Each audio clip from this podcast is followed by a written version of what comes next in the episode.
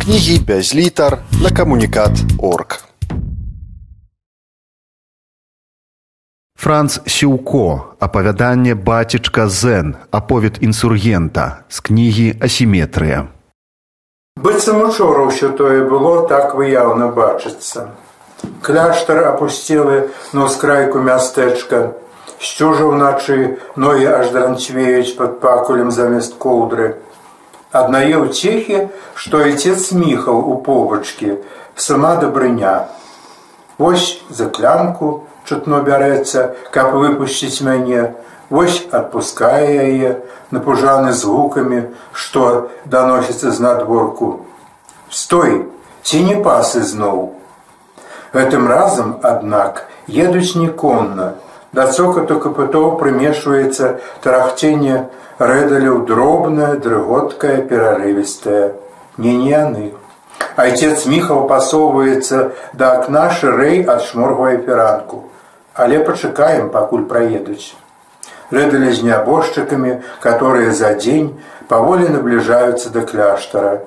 Мерцвякоў, мяркуючы па нагах, што вытыркаецца з-пад задняй пярэчыны трое.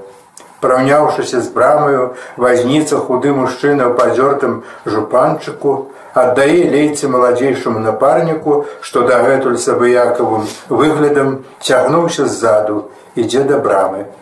Пухнатая бы мядзвежая лапа рука у рудой ісподцы усоўваецца ў дзверы, страхавітаю кляшнёй застываю паветры. Да айца міхала паперчына. Айцец міхал робіць крок да дзвярэй, бярэ пазіраўлены шылам адзіны спосаб засцерагчыся ад халернай навалы. Аркуш вяртаецца да акна, водзіць па цыдулцы вачмі. Мужчына за звярамі мармыча нешта неўцямнае адыходзіць. Маршалак мікуцкі дома кажа засяроджана так, што можна выбірацца. Глядзі асцярожна, казачу ўсюды, другі раз пападзешся, не ўцячэш ужо. Ён кладзе ў торбу праснак і драбок солі, штурхае мяне да выхаду. Дзвярына натужліва рыпіць прыжавелымі завесамі два крокі і я на волі. На дварэ ціха і бязлюдна, только спустошаныя казакамі да халернай камяніцы змрочна паблізкваюць насустрач цьмяным святлом ацалелых шыбаў. Да сядзівымі куцкіх вярсты дзве, ад сілы дзве з паловую, не так далёка, ты як абмінуць казацкую варту. Добра ўдасся прыслізнуць незаўважна, а калі не, адзіная надзея тады на рызжё дасць Бог не заманецца ім спраўджваць асобу бадзяжкі но я пасля двухтыднёвага сядзення на адным месцы у паўцёмнай келлі кляштара неслухмяныя быццам налітыя волавам не дадаюць шпаркасці хадзе і прэзентаваныя айцом міхалам атопкі ушчынаецца ветер. І адначасова з ім з паструхлелага мастка, што лучыць тутэйшую габрэйскую частку мястэчка зарэчнай з'язджае падвода. Стары габрэй у дзіравым лапсердаку, што хвіліны тузаючы лейцы, выкіроўвае паперадзе мяне ў прысады, едзе да могілак. Раптам ён опускае лейцы з далоняў, валіцца надол, сутаргава выгнуўшыся раз і другі усім целам, нежывою грудай застывае на ўзбоч падводы. І тая ж хвіліны трое казакаў пры шаблях вытыркаюцца за старадрэвінаў, прастуюць да яго. Пад'ехаць блізка, аднак, не асмельваюцца, перагінаючыся і памахваючы зброі, колькі хвілін глядзяць зводдалеку нарэдалі. І там яшчэ вунь, торкаю ў мой бок адзін стройцы. Я ляжу нерухома, прыхінуўшыся тварам да брукаванкі, стараюся як радзей дыхаць. Паехалі. Цоканне капытоў слабее і нарэшце зусім аціхае. Я падымаюся, атрасаю з большага дзення, хуценька, як толькі магу перабягаю у бярэзнік збож брукаванкі. І першае, пра што думаю, ачомаўшыся ад сполоху і разгубленасці, як цяжка жывому удаваць мерцвяка. Апавяданне бацічка Зен, аповед інсургента з кнігі асіметрыя чытае Франц Сіўко. На падворку мікуцкіх гэтаксама пуста, як і ўсюды. З дзясятка некалі заўсёды асветленых вокнаў зараз свеціць толькі два на доле у куцелі ўвахода. Войтак, адкуль? Маршалак нерашуча топчацца пры парозе, нарэшце упэўніўшыся, што перад ім сапраўды не чужы, гукае ў цемру. Ядзя, глядзі, хто прыйшоў. Ядзя маркотная з запалымі вачніцамі і папяросеную ў зубах выходзіць на бацькаў голас, застывае воддаль. А, пан інсургент, кажа прастуджаным голасам. А што ў лахах? Цырк да і годзе. Сціхні ты. Асаджвае яе маршалак. Самы час жартаваць. Надоўга да нас войтак. Да рання, у наначкі, калі дазволіце. Маршалак колькі хвілін глядзіць спадылба то на мяне то на ядзю. Небяспечна, браце, кажа застылым, як нежывым голасам.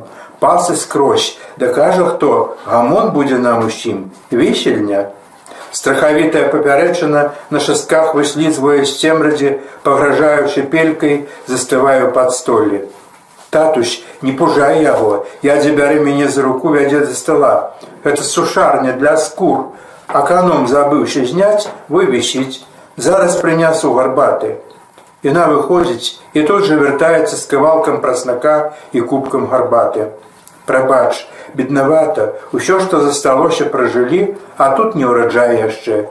Эпідэмія гэтая у краму боязна ісці, пойдзеш і падхопіш няўрокам заразу. Праснак каляны і шорсткі ажно крышыцца між пальцаў, яго так мала, што рука мая міжволі цягнецца да торбы сваім. Не. Маршалак перахоплівае пакунак, кладзе назад у торбу. На дарогу хай застаецца. Вунь колькі ісці табе яшчэ. Ядзя адчыняе шуфлятку стола, дастае акраец сушанага жытняга хлеба, кладзе перада мною. Я ем, а яны, бацька і дачка, стоячы пры акне ціха перагаворваюцца. Я не чую слоў, але па паглядах, што то адзін, то другі распора скідаюць у мой бок, здагадваюся, гамоніць пра мяне. Хлеб з'едзены, гарбата выпіта. Пасцялю табе ў калідоры, кажа ядзя, там канапка адзінае, што засталося з мэблі пасля казакаў. Мне ўсё адно, ну добра, на твары маршалка няпэўнасць і расчаравання. Я магу пайсці. Не. Ён спыняе мяне, ветліва усміхаецца, зноў усаджвае на канапу. Ты не зразумеў.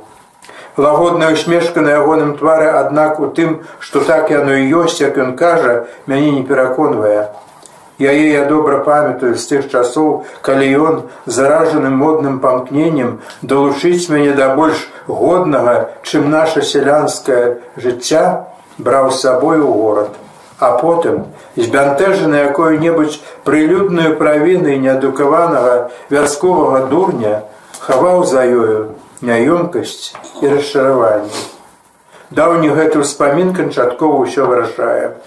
Я кладуся на канапу, удаючы жаданне конча заснуць, нацягваю на голову рэдзенькую з тонкім пахам парфумы коўдру. А як толькі гасне святло ў язеным пакоі і першы прысліст прытомленага трывогаю маршалка пачынае даносіцца з вітальні, падымаюся і ціха выслізваю з дома. Апавяданне бацічка Зен, аповед інсургента з кнігі асіметрыя чытае Франц Сіўко. Да вёскі яшчэ дзве вярсты, а сэрца маё ўжо гэтак тахкае ад хвалявання, быццам ступае па панадворку. Ісці нязручна, вецер змеў твар, вочы слізяцца, ільняныя нагавіцы понізу мокрыя, і ў дотак развярэджаных лытак аддаецца па скуры кучлівым болем. Ды не гэта найбольш мяне трывожыць. Як то сустрэне бацічка. Адно хмыкне, як заўсёды, ды не падаўшы рукі, знікне ў істопцы ці хляве, а можа і бачыць не пажадае, У бацячкі нораў самы ўпарты індык пазайздросціць. Нездарма нават навакольныя фальваркоўцы яго пабойваюцца. Бацячка Зэн, як скажаце, Зэн, скарочаная ад бацькавага імя, прыляпілася, так і валачэцца следам. Як ён злаваўся, калі я падахвоціўся весці правіянт акружаным касінерам. А як, мабыць, заходзіўся абурэннем, убачыўшы па маім ад'ездзе апусцелыя бучы, нямеднае змесціва якіх мне даўмелася прыхапіць сабою. Цікава, што ён адчуваў, калі мяне неўдаліца перавозчыка перахапіла пры ўездзе ў мястэчка мусовая габрэйская дружына і перадала службістаму гміннаму старасту да яго памагатым. А тыя, доўга не марудзячы, падвялі пад вязніцу. Не-не, не радаваўся, да гэтага пэўна не дайшло, ды наўрад прамінуў, каб не панаракаць маці або юльцы. Юлька, Ці жывая яна, а калі жывая, ці не забылася.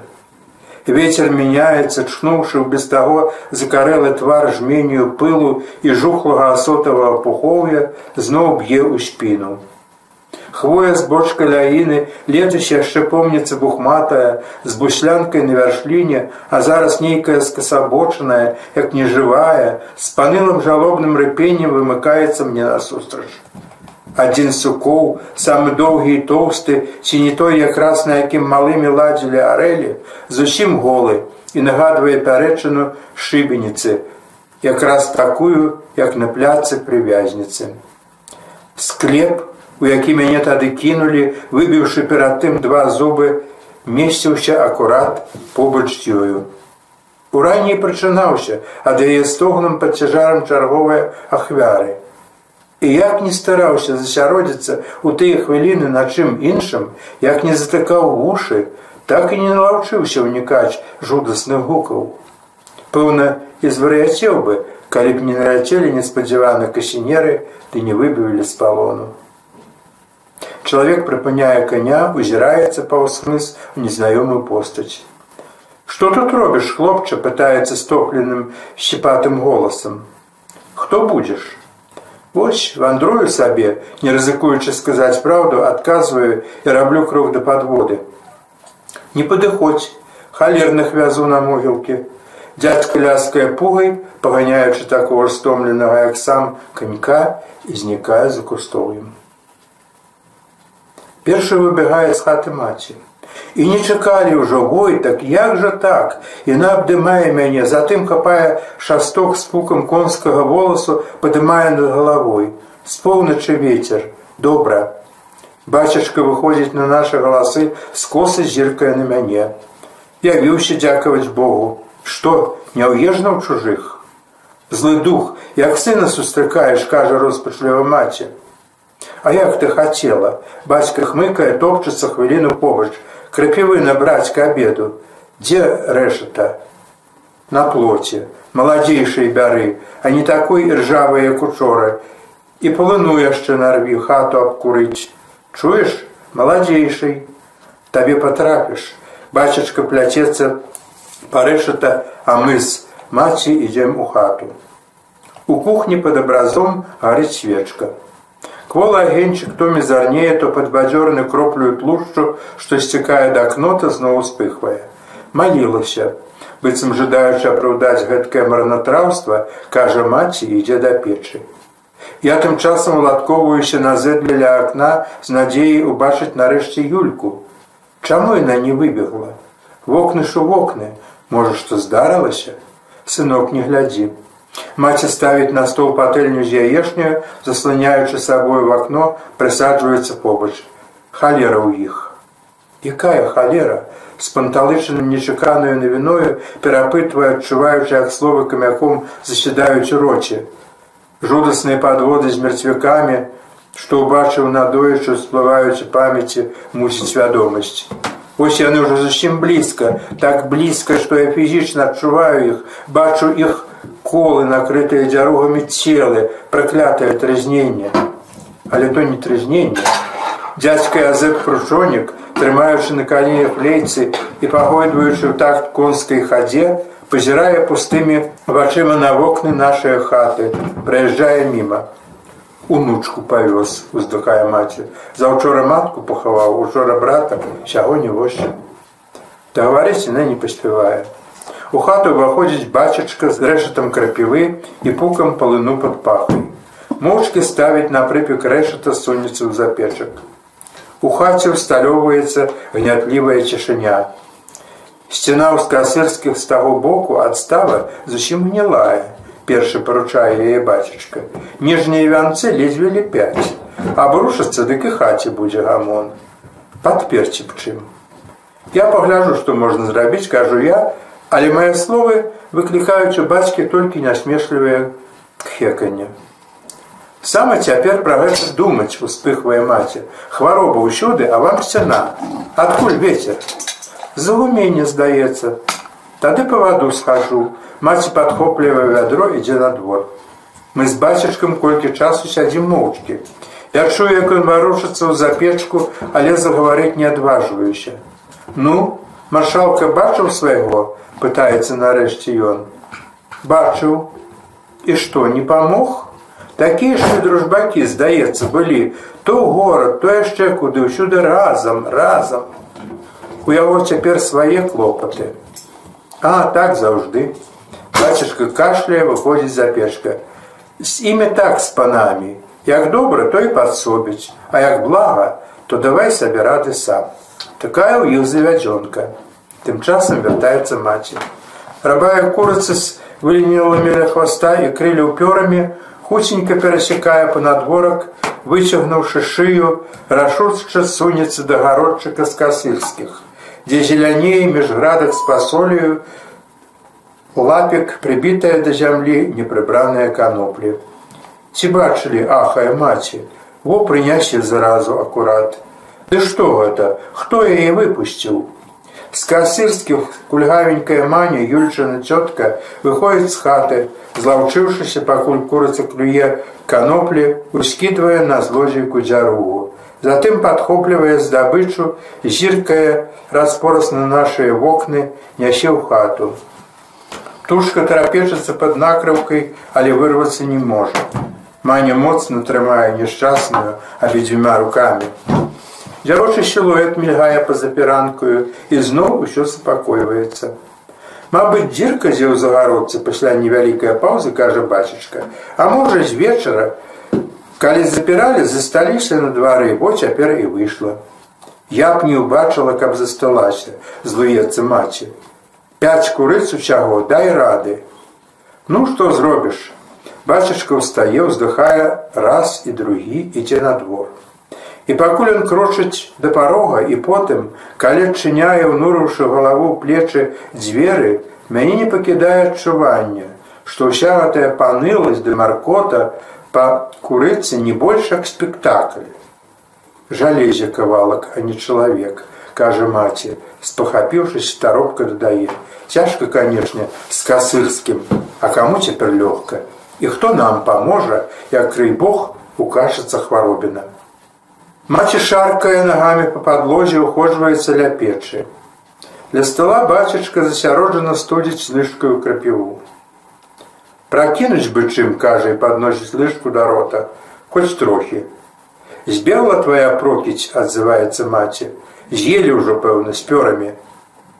Памрэ которая, дык і пахаваць не будзе каму, памаўчаўшы хвіліну, кажа бацічка, баб'ю адну ў хаце. Не квялі душу. Маці запальвае ў вядры аброблены нечым смуродным полыновы пук, дакладае да яго падсвечанай вербы нясе на двор абкурваць хату. Я падхопліваюся з ложку, выходжу следам, а раптам удасся пабачыць юльку. Маці ходзіць з пукам палыну у руцэ вакол хаты, несупынна молячыча казіць дымам на сцены. Для хаты з касырскіх ціха, але ад сцежкі між хатай і клеццю даносяцца галасы. Аднак юльчынага сярод іх не чуваць. Я заходжу за вугу, пелечы кволую надзею бачыць, што там дзеецца, спыняючы ля плота. Паўночная сцена хаты суседзяў сапраўды, як казаў бацічка, ледзь-ледь трымаецца на тонкіх падпорах. Ніжнія вянцы згнілі, і ўсё падваконне ад падмурка да пятай бэлькі зеўрае чорнаю дзіркай. Вакенца ў кухню пакасабочылася і нагадвае шчэлку. Першае маё памкненне бегчы падставіць што-небудзь. Але як на тое, нідзе ні дашчэчкі, ні бэлькі, ні жардзінкі. На апошнюю на збочку не бацічка і калі ж паспеў выйсці з хаты, растрасае віламі з пярэплату зрудзелую ажно чорную ад дажджоў канюшыну. Это дзіўна, неба хмарнае, вось-вось нахопіцца дождж, якая там сушка, ды яшчэ на ноч лезечы. І што я тое бачу і разумею, яго відаць бянтэжыць. Ён раскідвае па краі пожні апошні пласт, падхоплівае пярэ плаціну на плячо, мочкі нясе да хлява. Я бяру другую, цягнучы нізам жэрсткі па зямлі, так што ззаду застаецца неглыбокая баразна, валаку следам. Дзякуй за помач, кажа ён весела і шыбуе да хаты. Усё гэтым не дзіўна, бачачка наш, гаспадар і проста так дзеля аднаго задавальнення ніводную справу, тым больш пустую рабіць не будзе. Апавяданне бацічка Зен, аповед інсургента з кнігі асіметрыя чытае Франц Сіўко. Цямнее хутка неяк раптоўна. Маці запальвае лямпу, садзіцца за цараванне. Бачачкі няма. Парадкуе на трасотніку дровы, адтуль даносіцца гукі сякеры. У скасырскіх надзіва светла.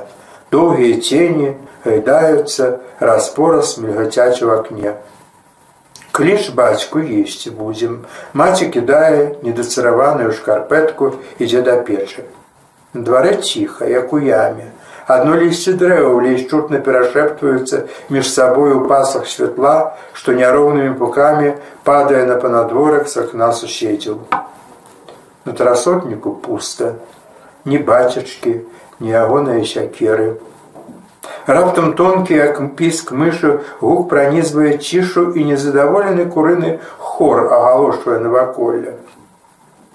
Бацічка сядзіць на кукішках ля дзвярэй загародкі, выставіўшы руку, падманьвае курэй да сябе. Затым у вобных хапае адну, выцягвае загародкі. Вочы наша стрыкаюцца хітраваты, збянтэжаны бацічка ў пагляд апякае мяне. Не кажы матцы, чырванеючы бы дзіця, кажа ён і вяртае курыцу ў загародку. Добра, мармычу я іду ў хату. А як толькі ён уваходзіць у кухні неўзабаве пасля мяне, ускокваю за стола, саступаю лепшае пры акне месца. Што гэта ты вайцех, кажа ён сурова і падсоввае да сябе місу з крапівой. Нібы маршалка, якога мяне ушаноўваеш.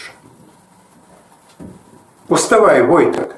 Маці падыходзіць да лежака лагодна, як у дзяцінстве кратае мяне за пяту. Снег уначы выпаў. Голас яе здаецца мне занадта сумным і быццам адчужаным. Што здарылася? Нічога. Яна паказвае на абінілае акно. Увосень пагод 8. Працяры і споткаю шыбіну, а то не відаць нічога. Я бяру сподку і пакуль маці ладзіць сняданак, старанна аж да нямення даланёў, тру забеленыя імжой і марозам в акно і думаю пра тое, што маю сёння рабіць. Найперш, канешне, трэба конча даведацца, ці ўсё добра з юлькай. Гэта не так складана, трэба толькі злавіць момант, калі вечар падзьме ад нашай хаты да іхняй. Другое абгледзець сцяну, заставам ляшчыніны даўгі і тоўстыя, нарэзаць іх падпорак на 5 хвілін працы. Для хаты суседзяў штосьці адбываецца, але што з акна не бачна. Маня памерла, апярэджвае маё пытанне маці, выйшла і гахнула як падкушаная. Я на дварэ якраз была бачыла, а потым яна прынікае лбом да печы сліпая. Што, бацька, Покі я была ў хляве, зайшоў да іх на панадворак. Выйшла я, глядь, маню валачэ ў хату. Там і застаўся з імі. Дык вернецца, не вернецца рыхтаваўся ён, каб застацца. Я учора яшчэ калі сказаў, што пахаваць іх не будзе каму, падумала нядобрае, курыцу выпусціў. Трэба было табе у тую гаворку лезці пра сцяну. Дару я не падумаў. Ай, не прымайся, і без цябе ён тое зрабіў бы. Я пайду, можа бачу яго, пра юльку попытаюся. Не марахонь жа доўга згаджаецца яна і з перасцярогай глядзіць мне ўслед. Двор белы ад снегу. Ад нашага ганка да вечніц касырскіх цягнецца рад няроўных прыпарушаных беллю слядоў. Другі туды і назад вядзе да трасотніка. Абедзве пярэплачаны, прыкрываючы дзірку ў сцяне суседзяў, стаяць пры акне, падпіраюць бэлькі верхніх вянцоў. Я падыходжу бліжэй да хаты і бачу бацечку. Ён стаіць, сагнуўшыся ля самаробных паласкоў, прывязвае вяроўкаю да перадка калматага і худова, як здань мікодама. Сабака круціцца на месцы, не разумеючы, што ад яго патрабуюць, неўцямна брэша. На паласках нерухома ляжыць маня і глядзіць на снег незаплюшчанымі вачыма. Ганка, Юльчына матка, і восьмігадовы брат Зыгмуч выходзіць з хаты з ускрушлівым маўчанні, схіляюцца над нябожчыцай.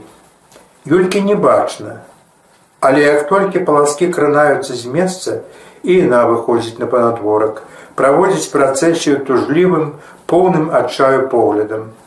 Затым рэзка паварочваецца да мяне спінаю прастою назад у хату. Я крычу, каб пачакала, кідаючы за ёй на ўздагон, але нехта навальваецца ззаду, збівае мяне з ног, штурхае на снег. Куды ты? Матчыны руки абіваюцца вакол маёй шыі, прыціскаюць да зямлі. Здурнеў? Апавяданне бацічка Зен, аповед інсургента з кнігі асіметрыя чытае Франц Сіўко. З могілак яны вяртаюцца ўжо прыцемкам. С окна ни бачачки, ни цёткі ганкі з імусім не відно. І каб не мікодамаў брэх, мы пэўна так і правартавалі б іх з маці да рання. Маці выходіць на двор і я чую, як яна, стоячы на ганку, гукае бацьку на панадворак. Затым бачу яго. Ён выходзіць з хаты суседзям, але далей вечнасць не ідзе. І толькі ўпэўніўшыся, што вецер не з ягонага боку робіць крок другі. Яны перагаворваюцца колькі хвілін, і маці вяртаецца. На твары яе заклапочанасць і рашучасць. Яна рассцілае на падлозе старую хустку, кладзе на яе некалькі бульбін, гарніц рудое з дамешкам мякіны мукі, жменю панцаку, зноў ідзе на двор. Убачыўшы яе, бацічка, які дагэтуль таптаўся ля весніц, знікае ў хаце з касырскіх. А яна, трымаючы перад сабой хустку жабрацкім правіянтам, хуценька перасякае двор, кладзе ўсё побач з тым месцам, дзе ён толькі што стаяў. Ледь толькі яна адыходзіць, на двор выбягае зымусь, хапае клунак, нясе да хаты. Каб жаманію і скончылася, маці запальвае свечку, цяжка ступаючы па няроўным боінах земляной падлозе, ідзе пад абраз маліцца. Я станаўлюся ў побачкі і мы як двое сцярот, што нечакана страцілі звыклую апору, адмаўляем па чарзе ружанец. І толькі апоўначы, калі гасне святло суседзяў і змаўкае растузы на нязвыклую ролей цеглавікамі кодам, куляемся на тапчан і засынаем трывожным, цяжкім сном. Яшчэ вельмі рана, а маці ўжо на нагах. Я чую, як яна штохвіліны ўздыхае, то перабірае ў стопцы посуд, то цягнучы ногі ходзіць кута ў кут. Нарэшце бярэ гарніц рэштую бульбы і яечным шкарлупіннем, ідзе на двор, карміць курэй. На дварэ ветрана і мокра церусіць дождж. У скасырскіх, як і учора, адчуваецца нейкі рух. Бачачка з кавалкам аўчыны на плячах выходзіць з хаты, накіроўваецца да вечніцы. Маці штосьці кажа яму, колькі хвіліна на ціха перагаворваецца.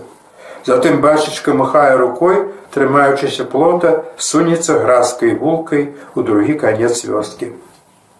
Маці ўваходзіць у хату, наўмысна абмінаючы мой запытальны позірк, моўчка становіцца на калені. Ганка і зыгмусь, кажа, памаліўшыся і з пакораю на твары дадае. Мікодаму не сцягнуць дваіх па гразюцы. Бацька па падводу пайшоў. Санітары дзяжураць ля ямы. Можа згодзіцца прыехаць. Праз паўгадзіны бацішка вяртаецца. А яшчэ праз колькі часу да хаты пад'язджаюць рэдалі. Мужчына у прадзёгценай вопратцы гэткай жа масцы з дзіркамі для вачэй і бацячка выносіць цела на двор, кладуць на рэдалі. Гусцішны Юльчын енк вырываецца па ўзрашчыне насцеж дзверы, патынае ў пасах бясконцава, як сама бяда дажджу. Рэшта дня праходзіць у трывожнай варце. Мы з маці сядзім па чарзе ля акна ў роспачлівым маўчанні, быццам баімся напалохаць адно аднаго ці прыцягнуць неабачлівым словам нядобрае, чакаем хоць якой весткі ад суседзяў. Бацечка два разы падыходзіць да акна, паказвае жэстам, што нічога благого за гэты час не здарылася. Ужо над вяшоркам, калі ён выходзіць з хаты па правіянт, я выскокваю на двор, прашу паклікаць юльку. Не, адказвае ён рашуча і зачыняе за сабой дзверы. К ночы надвор'е зноў мяняецца. А пад раніцы двор, як і суткі таму робіцца белым ад снегу. Як марозік, дык можа і абыдзецца. Маці садзіцца побач са мной ля акна і пагляд яе весялее. Хвароба чыстага баіцца.